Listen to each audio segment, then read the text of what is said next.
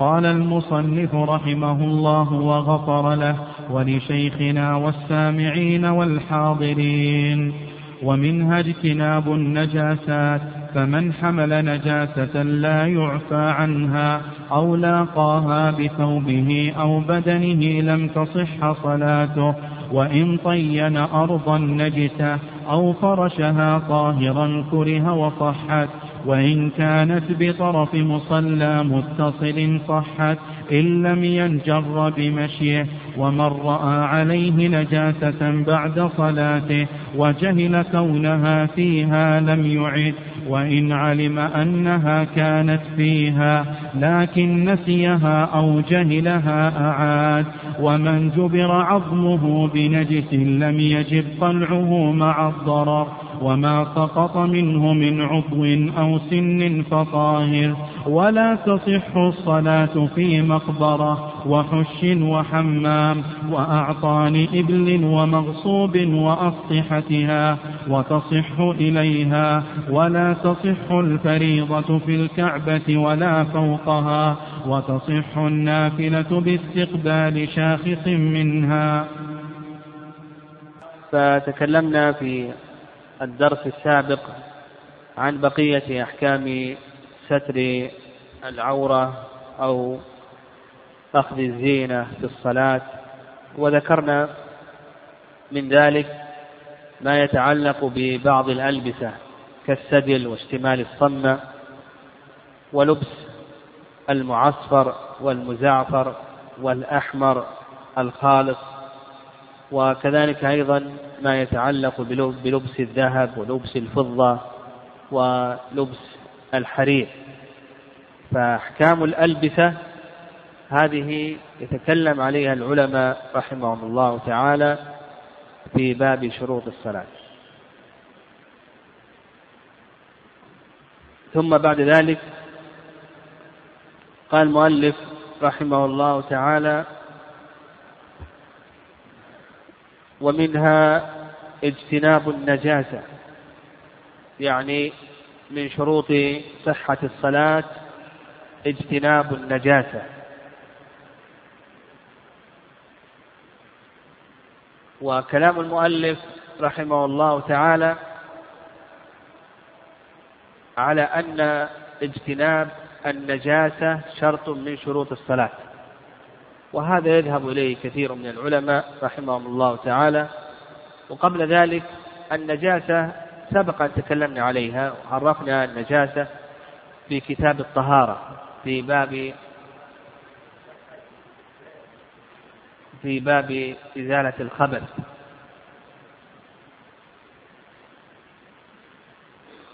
كما قلنا كلام المؤلف رحمه الله تعالى على أن على أن اجتناب النجاسة شرط من شروط صحة الصلاة. وهذا يذهب إليه كثير من العلماء رحمهم الله تعالى.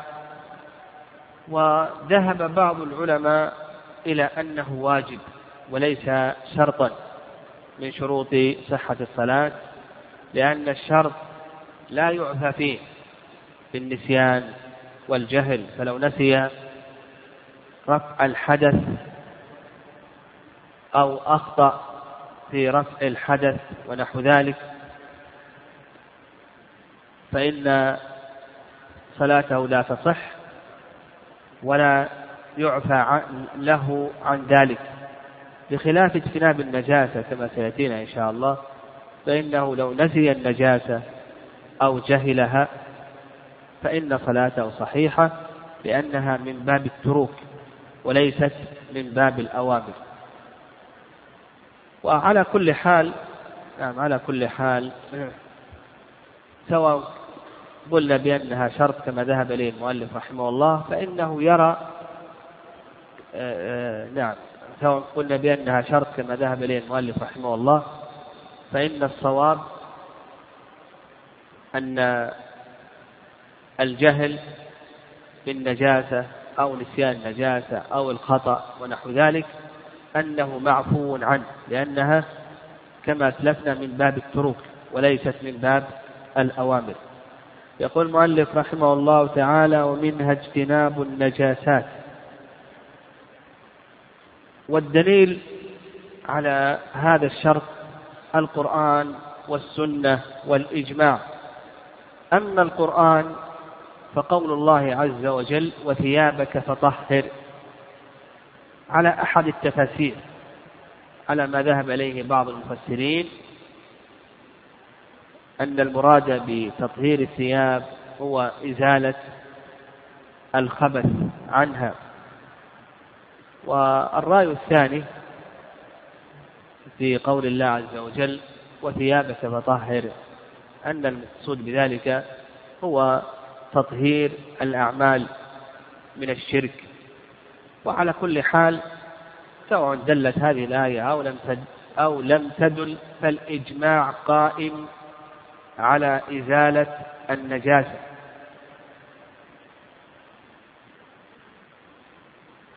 وأما السنة فالأحاديث في هذا كثيرة وسيأتي إن شاء الله شيء من ذلك أثناء البحث في هذا الشرط.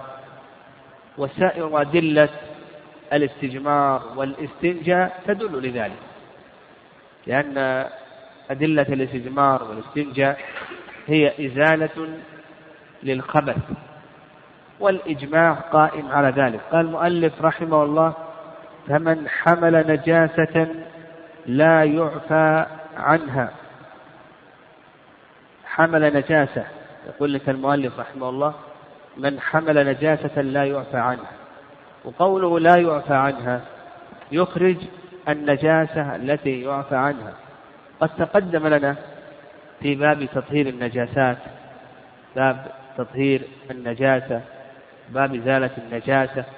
تقدم لنا ما هي النجاسة التي يعفى عنها وما هي النجاسة التي لا يعفى عنها إلى آخره وأنهم يقولون بأن النجاسة التي يعفى عنها هي يسير الدم في غير المطعوم إلى آخره وأيضا يقولون بأن أثر الاستجمار في محله هذا من النجاسة التي يعفى عنها إلى آخره. المهم قول المؤلف رحمه الله فمن حمل نجاسة لا يعفى عنها يخرج النجاسة التي يعفى عنها كأثر الاستجمار في محله فإذا حمل نجاسة حمل بولا أو مثلا حمل بولا في قارورة أو غائطا في قارورة أو نحو ذلك فإن صلاته لا تصح. لكن لو كانت النجاسة يعفى عنها كما لو حمل مستجمرا فإن صلاته صحيحة. قال أو لاقاها قبل ذلك اجتناب النجاسة يكون في بدن المصلي وفي ثوبه وفي البقعة التي يصلي عليها أما بدن المصلي فدليل ذلك ما سلف من أدلة الاستنجاء والاستجمار وأما البقعة التي يصلي عليها فدليل ذلك ما تقدم من حديث أبي هريرة في قصة الأعرابي الذي بال في طائفة من المسجد فأمر النبي صلى الله عليه وسلم بذنوب من ماء فأهريق عليه. وأما الثوب فحديث أسماء رضي الله تعالى عنها في الصحيحين أنها سألت النبي صلى الله عليه وسلم عن دم الحيض يصيب الثوب. فقال النبي صلى الله عليه وسلم تحته ثم تقرصه بالماء ثم تنضحه ثم تصلي ثم تصلي فيه. قال فمن حمل نجاسة لا يعفى عنها أو لاقاها بثوبه أو بدنه لم تصح صلاته. لاقى النجاسة يعني باشر النجاسة. لاقى النجاسة بمعنى باشر النجاسة بثوبه أو باشرها ببدنه فإن صلاته لا تصح. اعتمد عليها أو سجد عليها. اعتمد على هذه النجاسة أو سجد على هذه النجاسة بثوبه أو بدنه فنقول بأن صلاته لا تصح. لكن لو مس ثوبه يعني لو مس ثوبه شيئا نجسا فإن صلاته صحيحة. يعني لأن لكونه لم يعتمد على هذه النجاسة. يعني المقصود بملاقاة النجاسة أن يسجد عليها أو أن يجلس عليها أو أن يعتمد عليها. أما لو مس ثوبه شيئا نجسا كحائط النجس مثلا أو ثوبا نجس إلى آخره فإن صلاته صحيحة. قال وإن طين أرضا نجسة أو وإن طين أرضا نجسة أو فرشها طاهرا كره وصحت. يقول إذا طين أرضا نجسة يعني عندنا أرض نجسة ثم جاء بالطين ووضعه عليها أو جاء بالإسمنت مثلا ووضعه عليها أو فرشها طاهرة. عندنا أرض نجسة أصابها بول فأتى بفراش طاهر ووضعه على هذه على هذه الأرض النجسة وصلى فيقول المؤلف رحمه الله تعالى بأن صلاته صحيحة. يعني بأن صلاته صحيحة لكن يكره ذلك. ويكره لأنه اعتمد على هذه النجاسة. يكره لأنه اعتمد على هذه النجاسة وقول المؤلف رحمه الله فرشها طاهرا. هذا الفراش لا يخلو من أمرين. إما أن يكون صفيقا فالصلاة حينئذ تكون صحيحة. يعني إذا كان سميكا هذا الفراش. نقول بأن الصلاة صحيحة. وإما أن يكون خفيفا فنقول بأن الصلاة لا تصح لأنه صلى على هذه النجاسة. نعم لأنه صلى على هذه النجاسة. إذا كان الفراش الذي فرشه على هذه النجاسة إذا كان خفيفا فنقول بأنه لا يصح ومثل ذلك اليوم إذا كان هناك آه، مجاري للصرف الصحي أو هناك بيارات للصرف الصحي ثم بعد ذلك وضع الاسمنت على هذه المجاري أو على هذه البيارة ثم صلى. وش حكم الصلاة هنا؟ نقول بأن الصلاة حكمها ماذا؟ صحيحة. الصلاة يقول لك المؤلف رحمه الله بأنها صحيحة لكنها تكره. ودليل الكراهة كما تقدم أنه اعتمد على هذه النجاسة اعتمد على شيء لا تصح الصلاة عليه. وذهب بعض العلماء إلى أن الصلاة صحيحة بلا كراهة. نعم الصلاة صحيحة بلا كراهة لأنه وجد الحائل الآن. الآن صلى على طاهر واعتمد على هذا الطاهر فوجد الحائل. والكراهة تفتقر إلى دليل شرعي. وهذا القول هو الصواب. هذا القول في هذه المسألة هو الصواب. وعلى هذا إذا صلى على هذه الأرض النجسة. ومثل ذلك الآن ما يوجد. بعض الحدائق الآن تسقى بماء الصرف الصحي. وتكون الأرض متنجسة لأنها تسقى بماء الصرف الصحي. وسبق أن تكلمنا في دروس سابقة في نوازل الطهارة عن الصرف الصحي ومتى يطهر ومتى لا يطهر إلى آخره.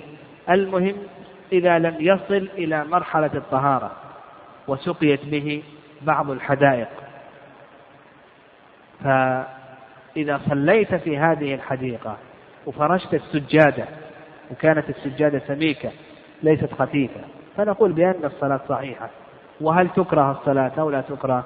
الصواب في ذلك أن الصلاة غير مكروهة لما تقدم من وجود الحائل الطاهر.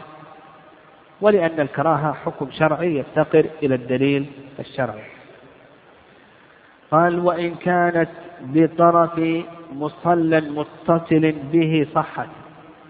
يعني يقول لك المؤلف رحمه الله إذا كانت النجاسة بطرف مصلى متصل به صح عندك سجادة السجادة طرفها أصابه بول سجادة طرفها أصابه بول تقول بأن الصلاة على هذه السجادة صحيح.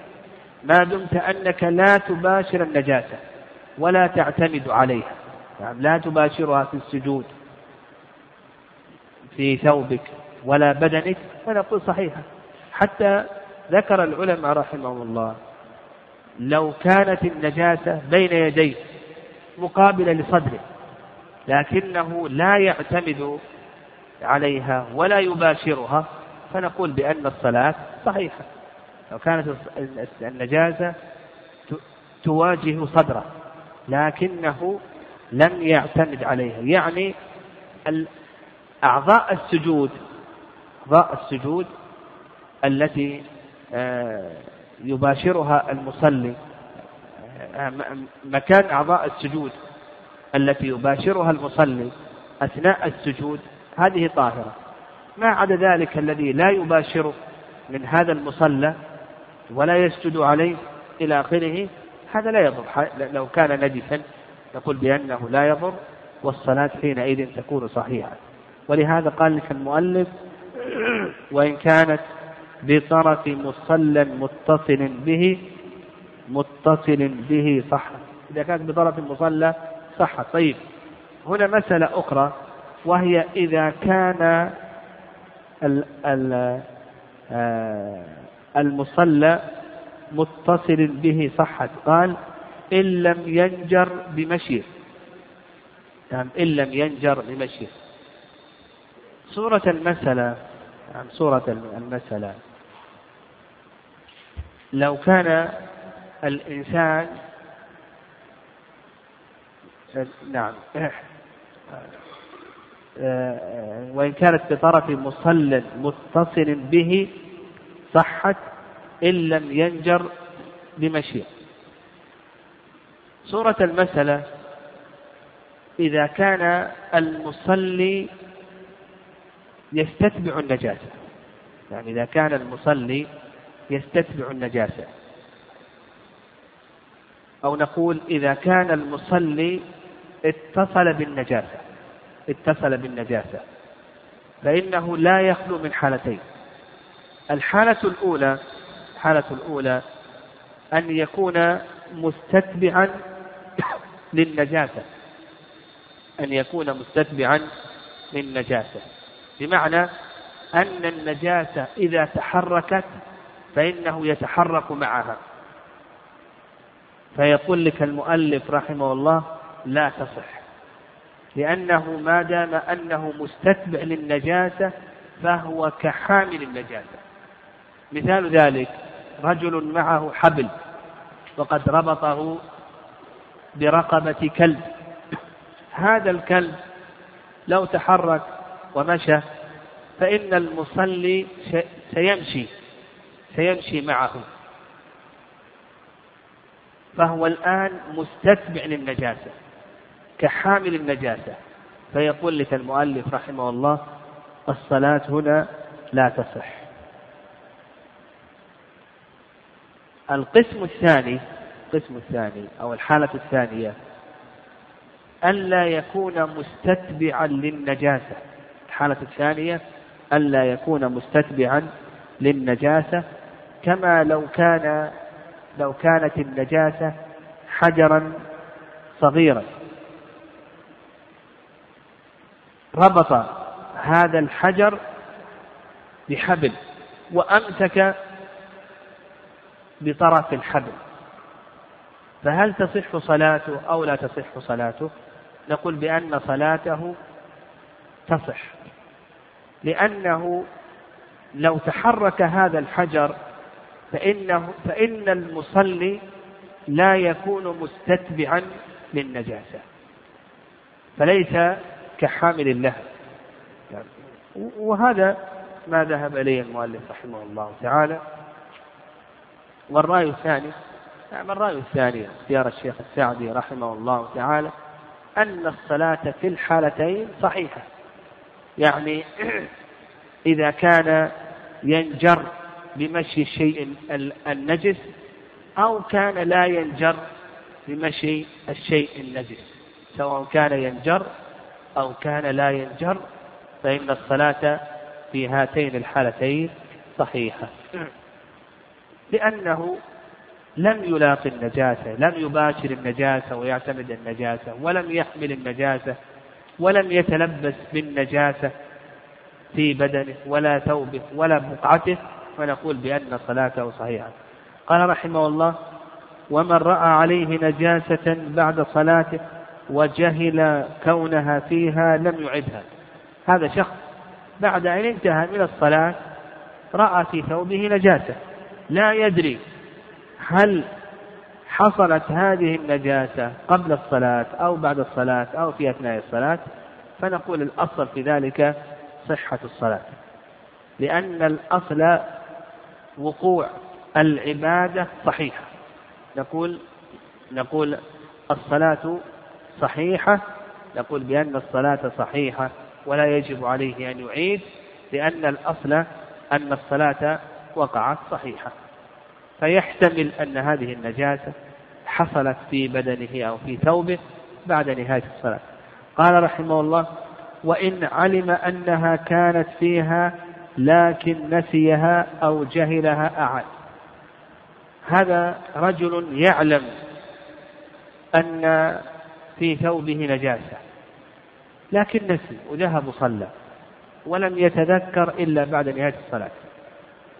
أو علم أن في ثوبه نجاسة وجهل هذه النجاسة. علم أنها علم أن النجاسة كانت في الصلاة ونسي. يعني هو يعلم أن أن في ثوبه نجاسة. وذهب وصلى ناسيا ولم يتذكر إلا بعد نهاية الصلاة. فنقول بأن صلاته يقول لك المؤلف رحمه الله تعالى بأن صلاته لا تصح. الصورة الثانية علم أنها فيها لكن جهلها. علم أن النجاسة حصلت في أثناء الصلاة لكنه جهلها. يعني هو يصلي أو قبل الصلاة أصابه شيء ولا يدري هل هذا الشيء طاهر أو أنه نجس. ثم صلى. وبعد أن انتهى من الصلاة علم أنه شيء نجس. فيقول لك المؤلف رحمه الله تعالى يجب عليه أن يعيد. ففي هاتين الصورتين إذا نسي أو جهل ما دام أنه يعلم أنها حصلت في الصلاة يجب عليه نعم يجب عليه أن يعيد. وهذا ما ذهب إليه الإمام المؤلف رحمه الله تعالى والرأي الثاني رأي الإمام مالك وهو رواية عن الإمام أحمد أنه لا يجب عليه أن يعيد أن يعيد لا في مسألة النسيان ولا في مسألة الجهل. يعني هو علم أن أن شيئا أصابه لكن لا يدري هل هو طاهر أو نجس جهل. ثم بعد ذلك تيقن أنه نجاسة فيقول لك المؤلف رحمه الله يجب عليه أن يعيد. في هاتين الصورتين يقول لك المؤلف يجب عليه أن يعيد. وقلنا رأي مالك ورواية عن الإمام أحمد رحمه الله أنه لا يجب عليه أن يعيد لأن هذا من باب الترك. وباب باب النواهي وباب النواهي أوسع من باب الأوامر ولهذا يعذر فيه بالجهل والنسيان.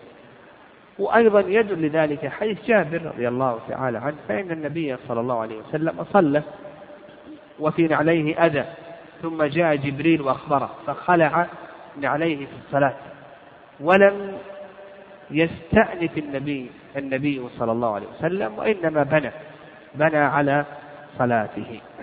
بنى النبي صلى الله عليه وسلم على صلاته. فالصواب في هذه المسألة ما ذهب إليه مالك وهو رواية عن الإمام أحمد رحمه الله تعالى. وهم يقولون يعيد إلحاقا لإزالة الخبث برفع حدث لكن هذا كما قلنا فرق بين رفع الحدث وزوال الخبث لأن رفع الحدث من باب الأوامر ما يعذر فيه بالنسيان والخطأ بخلاف إزالة الخبث فهو من باب التروك يعذر فيه بالجهل والنسيان. قال رحمه الله ومن جبر عظمه بنجس لم يجب قلعه مع الضرر وما سقط منه من عضو أو سن فطاهر. جبر عظمه بنجس. هذا رجل انكسر يعني انكسر انكسر عظمه كسر مثلا ساعده. وسقط شيء من عظامه. فجاء الطبيب وأخذ شيئا من عظام الكلب أو أخذ شيئا من عظام الخنزير وجبره جبر. وهذا ما يسمى الآن يعني ما يذكره الفقهاء رحمه الله ما يسمى بنقل الأعضاء.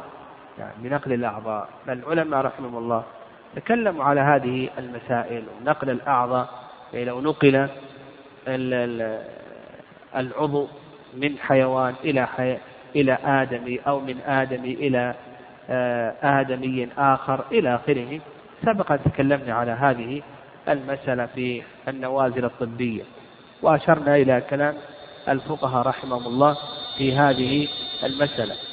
على كل حال من جبر عظمه بشيء نجس بعظم نجس أو آه، آه، قال لك المؤلف رحمه الله لم يجب قلعه مع الضرر.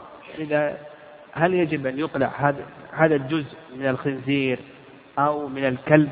هل يجب أن يقلع أو لا يجب أن يقلع؟ أقول لك المؤلف ما دام أن أن هناك ضررا لا يجب أن يقلع. ويفهم من كلامه أنه إذا لم يكن ضرر فإنه يجب أن يقلع. أما مع الضرر فإنه لا يقلع لقاعدة لا ضرر ولا ضرار. طيب. طيب بالنسبة للطهارة نعم بالنسبة للطهارة يقول لك المؤلف رحمه الله لم يجب قلعه مع الضرر وعلى هذا حمله للنجاسة هنا معفو عنه. والآن سيحمل هذا العظم النجس. يعني يحمل هذا العظم النجس من الكلب أو الخنزير. نقول بأن حمله لهذا العظم معفو عنه وصلاته حينئذ تكون صحيحة. لكن هل يجب عليه أن يتيمم أو لا يجب عليه أن يتيمم؟ هم يفصلون في هذه المسألة. يقولون إن غطاه اللحم لا يجب عليه أن يتيمم. وإن لم يغطه اللحم يعني العظم لا يزال ظاهرا فإنه يجب عليه أن يتيمم. يقول غطاه اللحم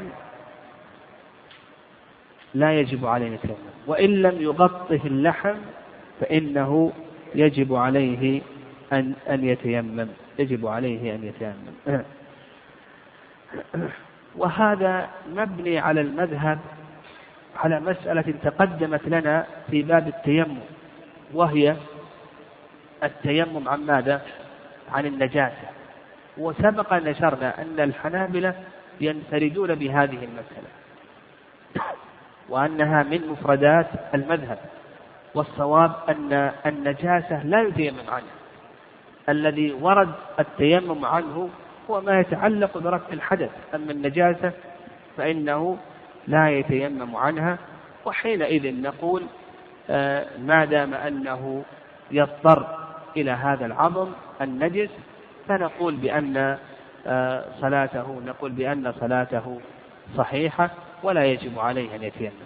قال المؤلف رحمه الله وما سقط منه من عضو أو سن فطاهر لأن ما أبين من حي فهو كميتته.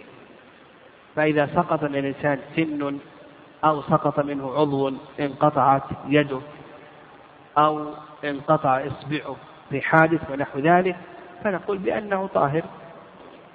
لما تقدم وهذا سبق لنا في باب الآنية أن ما أبين من حي فهو كميتته وذكرنا دليل ذلك حديث أبي واقد الليثي الذي رواه الترمذي بإسناد حسن. قال رحمه الله ولا تصح الصلاة في مقبرة. لما تكلم المؤلف رحمه الله تعالى عن إزالة النجاسة وأنه لا بد منها في البدن في الثوب في البقعة ذكر المؤلف رحمه الله تعالى الأماكن التي لا تصح الصلاة فيها. وهذا الاستثناء على خلاف الأصل لأن الأصل هو صحة الصلاة في كل أرض هذا الأصل في كل مكان. الأصل أن الصلاة تصح في كل بقعة. ويدل لذلك حديث جابر أن النبي صلى الله عليه وسلم قال وجعلت لي الأرض مسجدا وطهورا. فالأرض كلها مسجد والبقاع كلها مسجد بخلاف ما ما عليه آه، الأمم السابقة فإن أماكن صلواتهم أماكن محددة لكن هذا من خصائص هذه الأمة. فعندنا هذا الأصل وعلى هذا يحتاج إذا أردنا أن نستثني موضعا لا تصح الصلاة فيه نحتاج إلى دليل على ذلك. فعندنا قال لك المؤلف رحمه الله الموضع الأول الذي لا تصح الصلاة فيه قال المقبرة. والمقبرة هي مدفن الموت. ويدل لذلك حديث أبي سعيد أن النبي صلى الله عليه وسلم قال الأرض كلها مسجد إلا المقبرة والحمام. وهذا الحديث رواه أحمد وأبو داود والترمذي. وجوده شيخ الإسلام تيمية رحمه الله تعالى. وأيضا يدل لذلك قول النبي صلى الله عليه وسلم في حيث عائشة لعنة الله على اليهود والنصارى اتخذوا قبور أنبيائهم مساجد. لعنة الله على اليهود والنصارى اتخذوا قبور أنبيائهم مساجد. يحذر ما صنع. هذا يدلك على أن المقبرة لا يصح. وأيضا حيث بمرتد أن النبي صلى الله عليه وسلم قال لا تصلوا إلى القبور. فإذا كان إنسان منهي أن يصلي إلى القبر من باب أولى أن يصلي في نفس المقبرة. فعندك الموضع الأول نقول المقبرة لا تصح الصلاة فيها. يستثنى من ذلك نستثني من ذلك الصلاة على القبر. فإن النبي صلى الله عليه وسلم صلى على القبر. وكذلك أيضا الصلاة على الجنازة. نعم الصلاة على الجنازة لأن الصلاة على أولا لما تقدم من أن النبي صلى الله عليه وسلم صلى على القبر وأيضا الصلاة على الجنازة شفاعة دعاء هي دعاء. أن تشفع لهذا الميت بالمغفرة والرحمة. فهي شفاعة ودعاء. ولهذا ليس فيها مبنية على التخفيف ليس فيها ركوع ولا سجود نعم ليس فيها ركوع ولا سجود ولا استفتاح إلى آخره. كذلك أيضا مما يستثنى يعني مما يستثنى سجد سجود التلاوة سجود الشكر إذا قلنا بأنهما ليس من الصلاة. يعني سجود التلاوة وسجود الشكر إذا قلنا بأنهما ليس من الصلاة أو ليس صلاة كما سيأتينا إن شاء الله. وهذا هو الصحيح. أن سجدة التلاوة وسجدة الشكر هذه ليست صلاة وإنما هي السجدة مجردة. نعم. والمقبرة لا تصح الصلاة فيها يعني الصلاة فيها لا تصح ولو قبر فيها قبر واحد. يعني قول بعض العلماء بأنه لا يضر قبر ولا قبران هذا فيه نظر. قال وحش. هذا الموضع الثاني. والحش طيب وما هي العلة؟ نعم وما هي العلة من النهي عن الصلاة في المقبرة؟ هذا موضع خلاف بين العلم لكن ال الذي ذهب إليه شيخ الإسلام تيمية رحمه الله أن العلة هي ذريعة الشرك سدا لذريعة الشرك لأن كون الإنسان يصلي في المقبرة هذا يخشى من أن يفتتن بالقبور وأن يعظم القبور فسدا لذريعة الشرك منع من الصلاة على المقبرة. خلافا لما ذهب إليه بعض العلماء وغلطه شيخ الإسلام من أن العلة هي مظنة النجاسة. قال وحش هذا الموضع الثاني وهو مكان قضاء الحاجة. وتقدم حيث بسعيد الأرض كلها مسجد إلا المقبرة والحمام. فالحش يقول لك المؤلف رحمه الله تعالى لا تصح الصلاة فيه. يعني لا تصح لأنه موضع قضاء الحاجة ولا يليق أن الإنسان يتعبد لله سبحانه وتعالى بهذا المكان. طيب وما هي العلة في ذلك؟ العلة أنه مأوى الشياطين. الحنابلة يقول العلة تعبدية النهي عن الصلاة في المقبرة تعبدية في الحج لكن هذا ضعيف هذا ضعيف. صحيح أنه معلل والعلة هي آه، النهي عن الصلاة في الحج العلة في ذلك أنها مأوى الشياطين. قال وحمام نعم الحمام هذا مكان الاغتسال نعم مكان الاغتسال المكان الذي يغتسل فيه. الحش المكان الذي تقضى فيه الحاجة الحمام هو المغتسل. وتقدم لذا عن حديث أبي سعيد رضي الله تعالى عنه والعلة في ذلك أن هذه الأشياء هي مأوى الشياطين خلافا للمذهب أنها تعبدية. هذا الموضع الثالث. قال وأعطان إبل وأعطاني إبل. هذا الموضع الرابع هذا الموضع الرابع. أعطان الإبل. ويدل لذلك حديث جابر بن سمرة رضي الله تعالى عنه أن رجلا سأل النبي صلى الله عليه وسلم أصلي في مرابض الغنم؟ قال نعم. قال أصلي في مبارك الإبل؟ قال لا. نعم. رواه مسلم في صحيحه وأيضا قول النبي صلى الله عليه وسلم صلوا في مرابض الغنم ولا تصلوا في مرا في معاطن الإبل. وما هي معاطن الإبل؟ للعلماء رحمهم الله تفسيران. التفسير الأول أن معاطن الإبل هي المواضع التي تقيم فيها وتأوي إليها. المواضع التي تقيم فيها وتأوي إليها هي معاصي والرأي الثاني أنها الأماكن التي تردها أو التي نعم التي تردها بعد صدورها من الماء. يعني بعد الأماكن التي تردها بعد أن تصدر من الماء. يعني بعد أن تشرب ترد. إلى هذه ال ال الأماكن قالوا هذه معاطن الإبل. والصواب في ذلك نعم الصواب في ذلك أنها أنه شامل نعم شامل للتفسيرين. والعلة في ذلك أن أن معاطن الإبل هي مأوى للشياطين. يعني هي مأوى للشياطين. ولما قد يخشى من هذه الإبل من النفور والجموع الذي يشوش على المصلي. وكما تقدم في أنه جاء في حديث أبي داود أنها جن خلقت من جن. قال وفي ومغصوب. هذا الموضع الخامس الموضع الخامس. المغصوب المكان المغصوب. يقول لك المؤلف رحمه الله لا تصح الصلاة فيه. نعم وهذا هو المشهور من المذهب. والرأي الثاني رأي جمهور العلماء رحمه الله أن الصلاة فيه صحيحة مع الكراهة. وهذا هو الصواب. لأن النهي كما تقدم لنا هنا يعود إلى شرط العبادة على وجه لا يختص يعني يعود لأن الغصب ليس خاصا في الصلاة. الغصب النهي عنه شامل للصلاة وخارج الصلاة.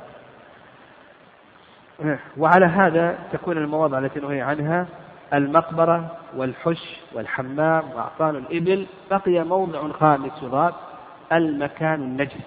نعم المكان النجس. نقول هذا لا تصح الصلاة لما تقدم من أدلة إزالة النجاسة. قال المؤلف رحمه الله وأسطحتها يعني أسطحة هذه الأشياء. وعلى هذا لا تصح الصلاة على سطح المقبرة ولا سطح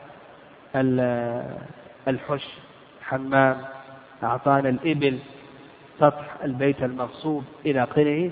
لا تصح الصلاة على أسطحة هذه الأشياء. وهذا هو المشهور من المذهب هذا هو المشهور من المذهب. والرأي الثاني أنها تصح على أسطحة هذه الأشياء. هذه الأشياء تصح إلا المقبرة لأن العلة موجودة وهي أن الصلاة في المقبرة يكون ذريعة إلى الشرك فالعلة موجودة الصواب في ذلك أنها تصح في كل هذه في أصلحة هذه المواضع لأن الأصل هو صحة الصلاة في كل بقعة.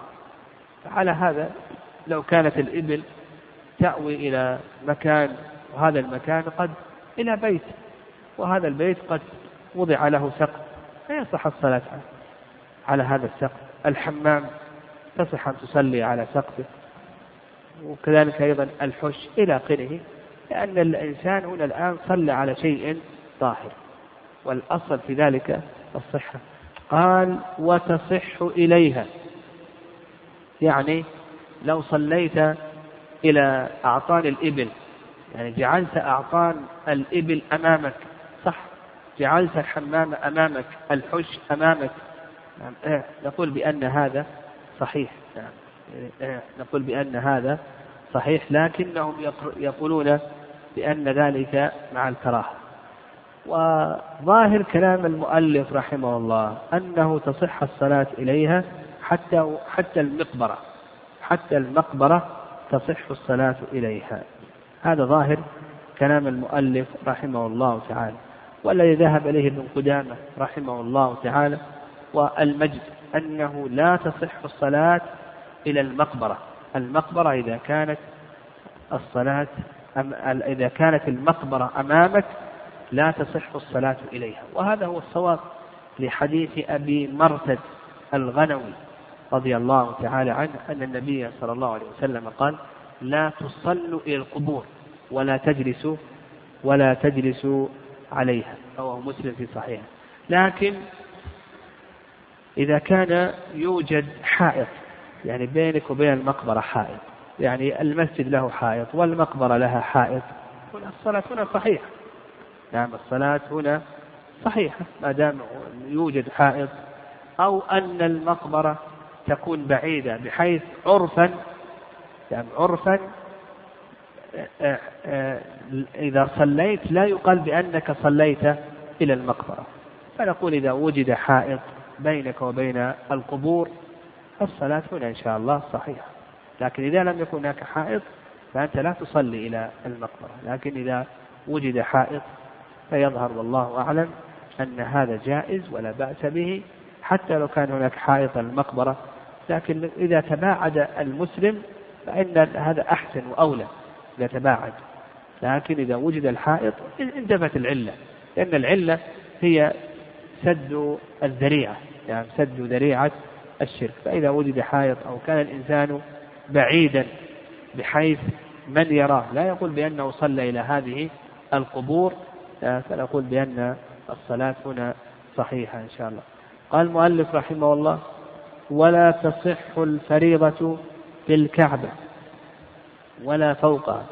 فأصبح عندنا التي المواضع التي لا تصح الصلاة فيها هي على الصحيح المقبرة والحش والحمام وأعطان الإبل والمكان النجس وسطح المقبرة هذا السادس والصلاة إلى القبور.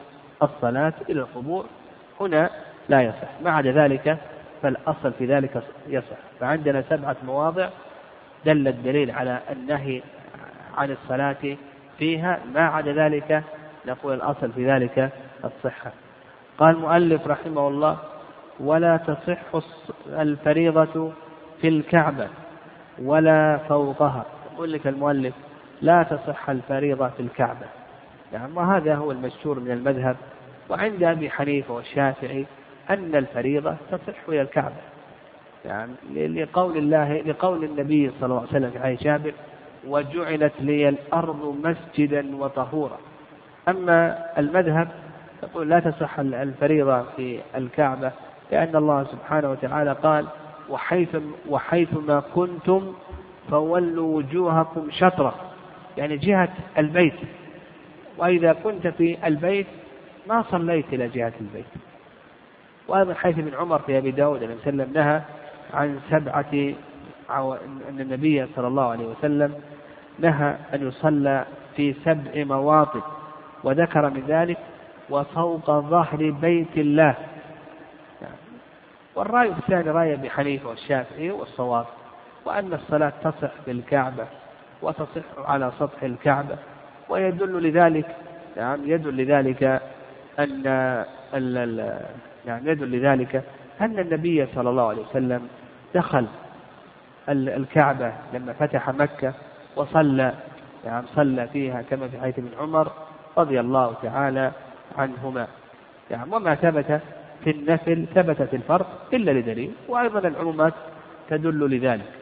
قال المؤلف رحمه الله تعالى وتصح النافلة باستقبال شاخص منها. يقول لك المؤلف رحمه الله الفريضة لا تصح كما تقدم. بقينا في النافلة. هل تصح النافلة في الكعبة أو لا تصح؟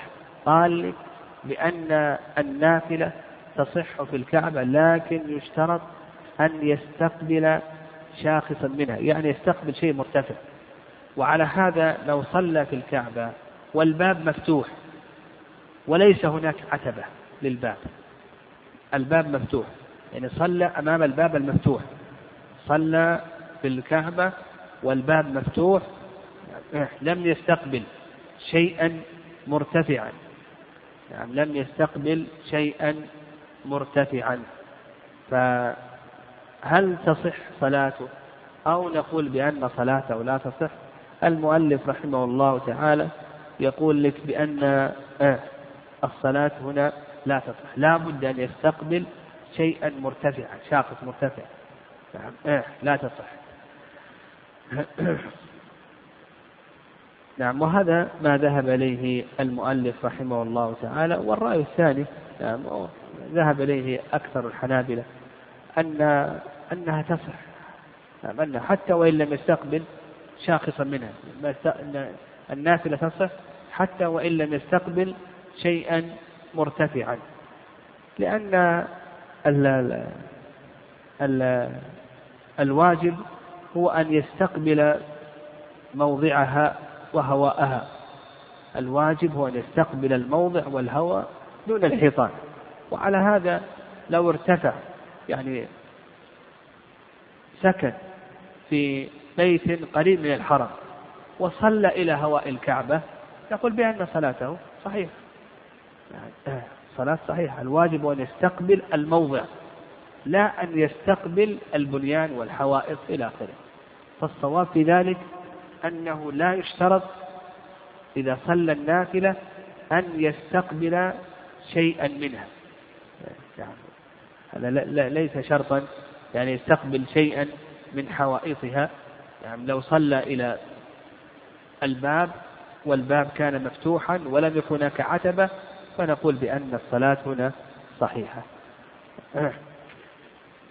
قال رحمه الله تعالى ومنها استقبال القبلة يعني أيضا من شروط صحة الصلاة استقبال القبلة ودليل ذلك قول الله عز وجل فول وجهك شطر المسجد الحرام وحيثما كنتم فولوا وجوهكم شطرة.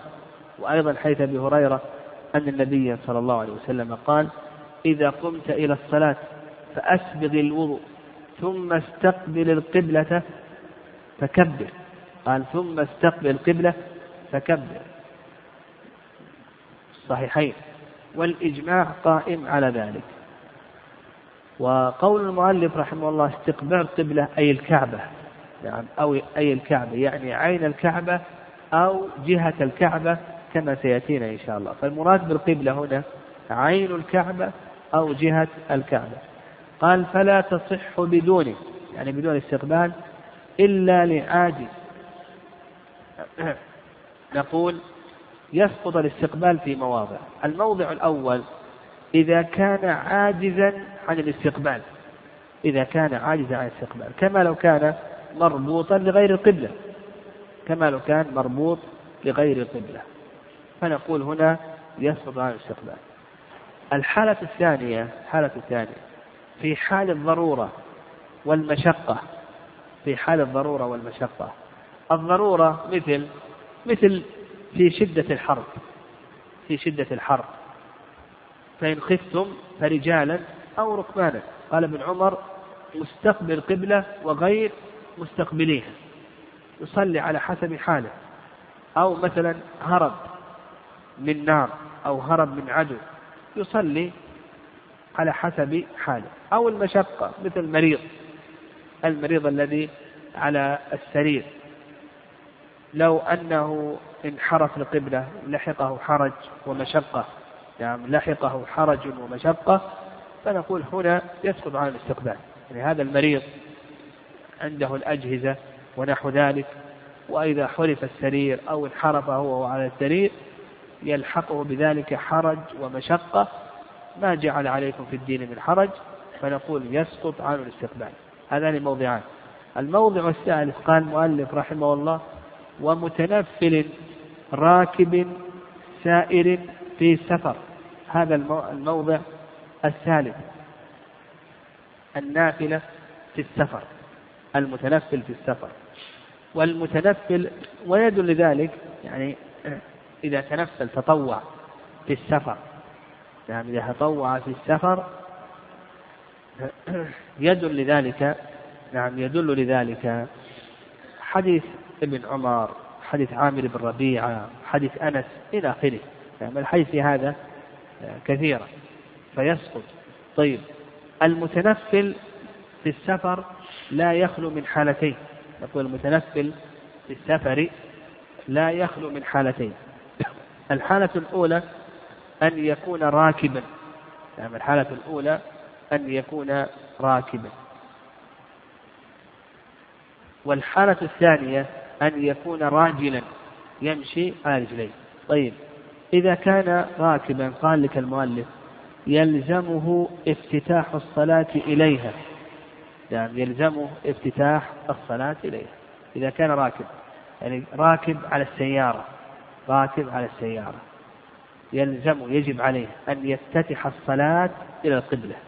يعني يتوجه القبلة ويفتتح إليها ثم يسير. مثلا إذا كان يسير إلى جهة الجنوب انحرف إلى جهة الجنوب. لكن أولا يستقبل القبلة ويكبر ثم بعد ذلك ينحرف إلى جهة قصده. هذا ما ذهب إليه المؤلف رحمه الله أنه يجب إذا كان راكبا أن يفتتح الصلاة إلى القبلة. ودليل ذلك حيث أنس في سنن أبي داود أن النبي صلى الله عليه وسلم كان إذا سافر فأراد أن يتطوع استقبل القبلة بناقته. قال كان النبي صلى الله عليه وسلم إذا سافر فأراد أن يتطوع استقبل القبلة بناقته فكبر. والرأي الثاني الرأي الثاني ذهب إليه كثير من العلماء رحمهم الله أنه لا يجب عليه أن يستقبل القبلة يعني وإنما يكبر إلى جهة قصده. فإذا كان متوجه مثلا جهة الجنوب أو جهة الشمال يكبر جهة الجنوب أو الشمال ويواصل. يعني ويواصل مسيرة. و